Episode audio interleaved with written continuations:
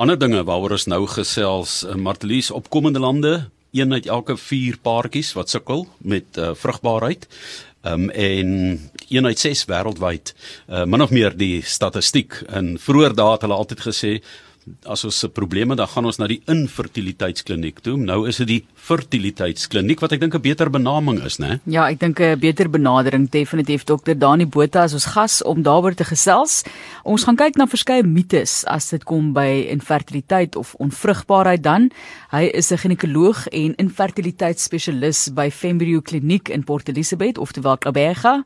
En dokter, voordat ons kom by daardie mites, gee net vir ons 'n idee van hoe dinge verloop het ook tydens hierdie COVID-19 tydperk en 'n mens soos met baie ander mediese toestande, mense wat uitgestel het, uitgestel het want hulle wil wegbly van gesondheidsinstansies, wil nie noodwendig onnodig dokter toe gaan of 'n afspraak maak wat jy nie hoef nou te doen nie en tog gaan daar baie baie waardevolle tyd vir paartjies ook by in hierdie tydperk, né, dokter Botha?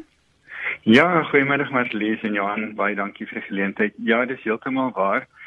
COVID het uh, nie net op ekonomiese vlak nie, maar ook natuurlik op 'n groot sielkundige en emosionele vlak ons pasiënte geraak. Ehm um, fertiliteitsbehandeling is duur en ewe skielik het soveel pasiënte in 'n finansiële situasie beland wat hulle regtig waar net nie die vermoë het om verop te gaan nie. So dit is die een kant, maar die tweede kant is dat vir die eerste paar weke van die streng inperking in 2020 kon ons geen fertiliteit uh, hulp vir die pasiënte het nie. Baie pasiënte was reeds besig met hulle siklusse en ons moes die siklusse stop.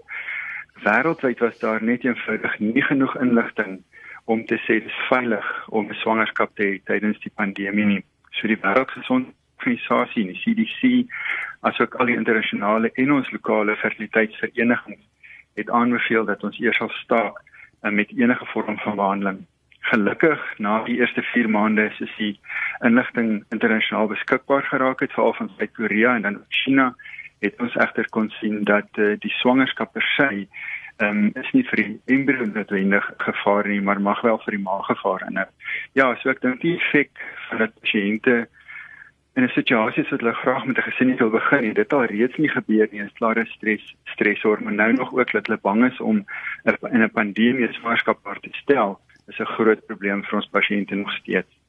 Wanneer word mense of 'n paartjie ehm um, as onvrugbaar beskou of wat is die termyn wat hulle ehm um, ek wil amper sê self moet probeer voordat hulle om hulp gaan uh, aanklop? Johan, internasionaal beskou ons die definisie van infertiliteit die onvermoë om 'n swangerskap te stel na 12 maande van gereelde onbeskermde gemeenskap. Met ander woorde, hulle hoef nie te beplan nie. Hulle moenie hulle moenie die rinkmete en goed doen nie. As hulle vir 12 maande onbeskermde gemeenskap gehad het, dan sal ons sê hulle is infertiel. Maar ons behandeling word 'n bietjie anders benader. As pasiënte jonger as 35, dan sal ons gewoonlik aanbeveel dat hulle vir 12 maande probeer. As hulle egter ehm um, ouer is as 35, tussen 35 en 39, sal ons na 6 maande wil ons graag hulp begin aanbied en ondersoek doen. En ouer as 39 sal ons sê onmiddellik. As jy dink daaraan om 'n swangerskap te hê, moet ons onmiddellik sien. So ons is redelik aktief al hoe meer indringend in ons benadering hoe ouer die pasiënt raak. Wêreld in fertiliteit maand eh, waaraan aandag gegee word. Nou ons praat van infertiliteit.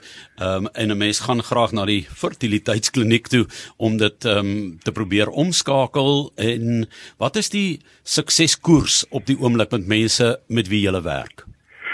Ehm um, Johan, dit hang ook af van die indikasie vir die prosedure asook die prosedure self. So ons moet altyd kyk wat is die oorsaak van infertiliteit. Die helfte van die gevalle is meestal ehm um, vroulik, 50% is 'n suiwer vroulike oorsaak en dan in 30 tot 50% van gevalle is daar 'n bykomende alleene man 30% of 'n bykomende 20% uh, eh, manlike faktor wat bydra. So dit hang af van die ouderdom van veral die vrou en dan ook die kwaliteit van die manlike gemeet of sperme waar hulle reserve by die vrou of byspatensie is. So al hierdie goed het 'n het 'n het 'n rol om te speel in die oorsaak en die tipe behandeling. Maar as ons nou kyk vir 'n gewone inseminasiesiklus wat nou nie gevorderde ICB is nie, dan is die lewensgeboorte syfer vir vrouens onder 35 ongeveer 1 uit 9 pasiënte sal per siklus 'n swangerskap 'n lewensgeboorte daar stel. Wat IVB of IVF soos dit in Engels bekend staan, soos die luisteraars mag mag ken, dit dan af van die ouderdomsgroep en heidaglik in Suid-Afrika soos in ander eenhede in die wêreld is die suksessyfer vir 'n lewensgeboorte in pasiënte onder 35 gewoonlik so tussen 35 en 44% ehm um, afhangend van die manlike faktor en die ovariële reserve. Natuurlik in pasiënte ouer as 44 is die suksessyfer 2% as hulle hulle eie ertjies sou gebruik. So mense sien baie keer ehm um, bekende mense 46 en ouer wat tweelinge het, maar dis meestal dan donoreiertjies wat gebruik is. Ja, dis kort voor Vadersdag, so ons gesels met dokter Dani Botha, ginekoloog en infertiliteitsspesialis by Fembrio Kliniek in Port Elizabeth, oftewel Quebeca, soos julle dit deesdae ook hoor en ken. Nou, ehm um, is dit interessant dat 'n mens die persepsie het en ek weet nie of dit 'n miskonsepsie is of wat nie, maar dat daar linge gegooi word uh, wanneer mense daardie uh, behandeling ondergaan dat daar meerlinge gebore word, tweelinge, drielinge. Is dit so? Um, is daar 'n wesenlike toename van daardie um, forme van swangerskap? Ja, weer eens so dit is afhanklik van die behandeling wat gegee word. Die meeste meervoudige swangerskappe wat ons deesdae sien, is eintlik van inseminasiesiklusse of tuisplanne waar die pasiënte net eenvoudig medikasie vat kry 'n voorskrif gaan, hulle kry nie so na ons nou follicle monitering nie en hulle het op die regte tyd gemeenskap. Ehm um, en daar kan 3 of 4 of 5 follicles gewees het. So dit is 'n groot gevaar. Die internasionale riglyne en veral ook die Suid-Afrikaanse riglyne is dat ons um, ons praat van E-set, enkel embrio terugplasing. So ons probeer altyd om 'n enkel swangerskap hard te stel aangesien meerlinge en tweelinge maar nog meer so drielinge en vierlinge het 'n baie hoë risiko vir swangerskapsverlies.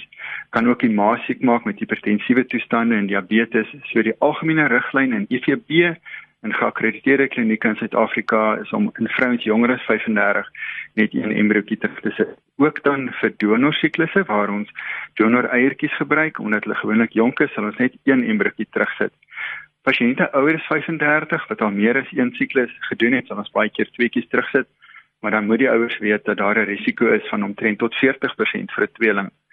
En dis die gevaar want hierdie pasiënt pasiënte gaan vroeër in kraam, so daar's 'n hoër miskraamsyfer, hoër premature kraamsyfer en natuurlik die mediese toestand in die ma. So dis nie net vir die babatjies gevaarlik nie, maar inderdaad ook vir die moeder. Nou ja, die gegons oor 'n tienling Ek sou baie graag die eh, die kliniek waar dit gedoen is sien en laat dit werklik waar waar is. So ons sal graag 'n bietjie meer data wil hê.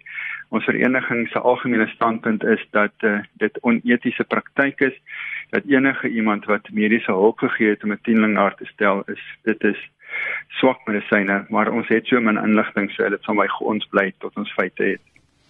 Dokter, daar is baie mites wat bestaan oor infertiliteit of onvrugbaarheid en ek weet dis 'n lang lys eintlik, né, nee? maar kan jy die wat jy asseblief uit die weg wil ruim in ons openbare spasies of met die publiek net direk gesels en sê hierdie is 'n mite, help vir ons asseblief. Dankie Marlies, ek dink die belangrikste mite, um, of eintlik maar onkunde by ons publiek is die ouderdom van die ma. Ons sien soveel pasiënte en dis reg deur die wêreld en al die klinieke sien ons pasiënte wat op 41 aankom en dan met 'n gesin wil begin en eers dink hulle het nog tyd. Maar die die realiteit is dat die ouertjie, die die die eierselletjies se ouderdom is die van die moeder. So as 'n ma 41 is, is haar eierselletjies 41 jaar oud en dis die kwaliteit van die eiertjie plus die kwantiteit van aantal eiertjies wat natuurlik negatief deur ouderdom beïnvloed word. Die tweede ding is dat die mite is dat mense dink dat swangerskapssyfer bly altyd dieselfde en dit is ook nie waar nie. Hoe ouer 'n mens raak, hoe laer raak jou suksessyfer selfs met IVB. Ehm um, en dis baie belangrik om dit te weet.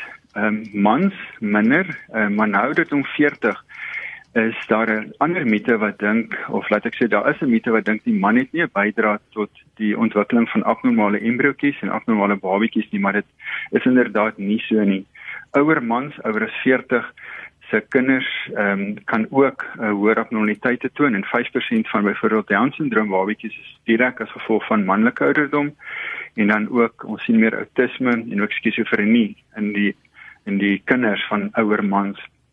Ek dink 'n ander mite wat uh, belangrik is is om te onthou dat die afsnypunt vir fertiliteit in die gemiddelde vrou is omtrent 41 en nie 46 soos wat die media partykeer berig oor swangerskappe wat plaasgevind het op daai ouderdom nie. Ek dink daar's baie ander mites oor ehm um, die weet wanneer van die maand met jy gemeenskap hê, kan mens enige tyd van die maand gemeenskap hê. En ek dink 'n algemene riglyn daar is dat 'n mens kan deur ovulasie te bevestig met urinêre ehm um, urintoetsies kan 'n mens baie naby sien waar is die fertiliteit maar ek dink dit is belangrik om te weet dat posisie van gemeenskap en al sulke goedjies is eintlik maar mites. Daar is nie streng bewyse daarvoor nie. So ek dink die belangrikste ding is om te, te onthou dat uh, as ovulasie bevestig is, spyspotensie is bevestig en die manlike faktor is bevestig in jong pasiënte is swangerskap moontlik. Baie baie dankie. Dit is dan ons gesprek oor 'n baie komplekse kwessie wat mense ervaar, onvrugbaarheid. Dr. Dani Botha is 'n ginekoloog en infertiliteitsspesialis by Fembrio Kliniek in Port Elizabeth of dan ook Kebega en ons het gekyk na van die mites. Daar's baie van hulle en so 'n wye gesprek wat gevoer word oor hierdie komplekse kwessies soos ja, ek gesê het. Daai 9 million bicycles waaroor daar gesing word. Toevallig lyk dit vir my Dr Dani, uh, volgens die statistiek is dit min of meer hoeveel hoe hulle dit vroeër jare genoem ja, proefbuis babas al in die wêreld is, né? 9 miljoen. Ja, ek dink dit is fenomenaal. Ek dink alle babatjies is spesiaal, maar hierdie babatjies het 'n ouer paar iewers ter in die wêreld baie gelukkig gemaak en ek dink dis dis die lekker deel van ons werk is dat ons kan mense help om daai droom waar te maak. As jy by Mites aan um, kan aanklop, ons onthou net um, geen fertiliteitsspesialis kan 'n babatjie maak nie. Ons help maar net hierdie egpare om die fisiologie te herstel van wat nie werk nie, maar dis 'n groot voorreg. Ja, dit is inderdaad waar.